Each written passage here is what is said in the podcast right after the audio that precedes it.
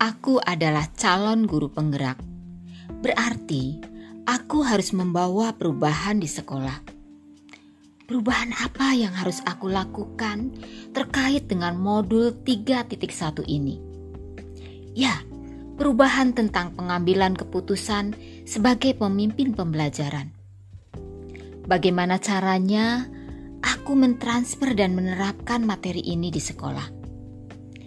Ini adalah tantangan bagiku. Aku harus bisa. Aku tahu caranya Aku harus mengembangkan diri dan orang lain dengan cara merefleksi, berbagi, dan berkolaborasi secara mandiri di sekolah tentang materi ini.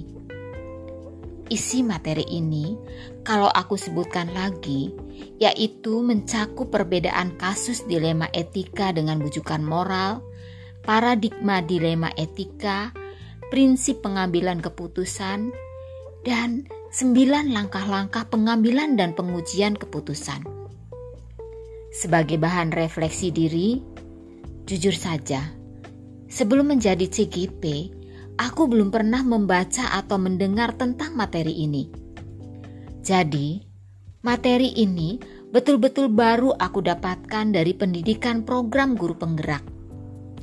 Materi ini sangat bagus dan bermanfaat. Karena itu, aku sangat bersyukur dan bangga menjadi CGP. Untuk mentransfer dan menerapkan materi ini di sekolah, tindakan nyata apa yang akan aku lakukan? Ya, aku akan berbagi dengan teman-teman dalam komunitas praktisi pembelajaran di sekolah. Aku akan memberikan pemahaman dan konsep-konsep tentang pengambilan keputusan sebagai pemimpin pembelajaran kepada rekan-rekan sejawat melalui kegiatan pengimbasan materi. Aku akan mempresentasikannya dalam kegiatan di komunitas. Hal ini aku lakukan agar rekan-rekan sejawatku memiliki pemahaman tentang bagaimana cara mengambil keputusan yang baik dan dapat dipertanggungjawabkan ketika mereka menghadapi kasus yang mengandung dilema etika di sekolah.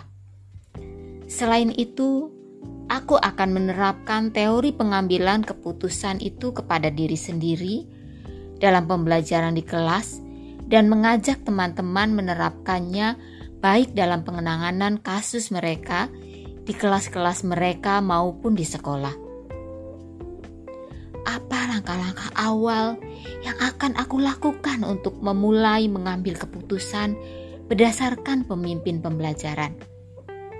Nah, untuk masalah ini, pertama, aku akan menyampaikannya rencana-rencanaku kepada kepala sekolah. Kedua, aku akan mendiskusikan bersama pengurus komunitas tentang rencana kegiatan pengimbasan materi di komunitas. Ketiga, melaksanakan kegiatan pengimbasan. Dan yang keempat, menerapkan penanganan kasus untuk mengambil keputusan bersama para wali kelas, guru BK, dan para pemangku kepentingan lainnya dengan menerapkan paradigma dilema etika, prinsip pengambilan keputusan, dan sembilan langkah-langkah pengambilan dan pengujian keputusan. Lalu, mulai kapan aku akan menerapkan langkah-langkah tersebut? Hari ini, besok, minggu depan, Hari apa? Waktu terus bergulir dengan cepat. Jam dinding terus berputar, berdetak. Aku tak boleh menunda-nunda waktu untuk menerapkan materi ini. Aku akan mulai menerapkannya minggu depan. Tepatnya hari Senin, 12 April 2021. Aku akan mencatatnya sehingga aku tidak lupa. Siapa saja yang akan menjadi pendampingku dan menjalankan pengambilan keputusan sebagai pemimpin pembelajaran. Seseorang yang akan menjadi teman diskusiku untuk menentukan apakah langkah-langkah yang aku ambil telah tepat dan efektif. Aku ingin rekan sejawatku, yaitu Ibu Hajah Erah Rumiati, menjadi teman diskusiku untuk menentukan langkah-langkahku dalam pengambilan keputusan sebagai pemimpin pembelajaran.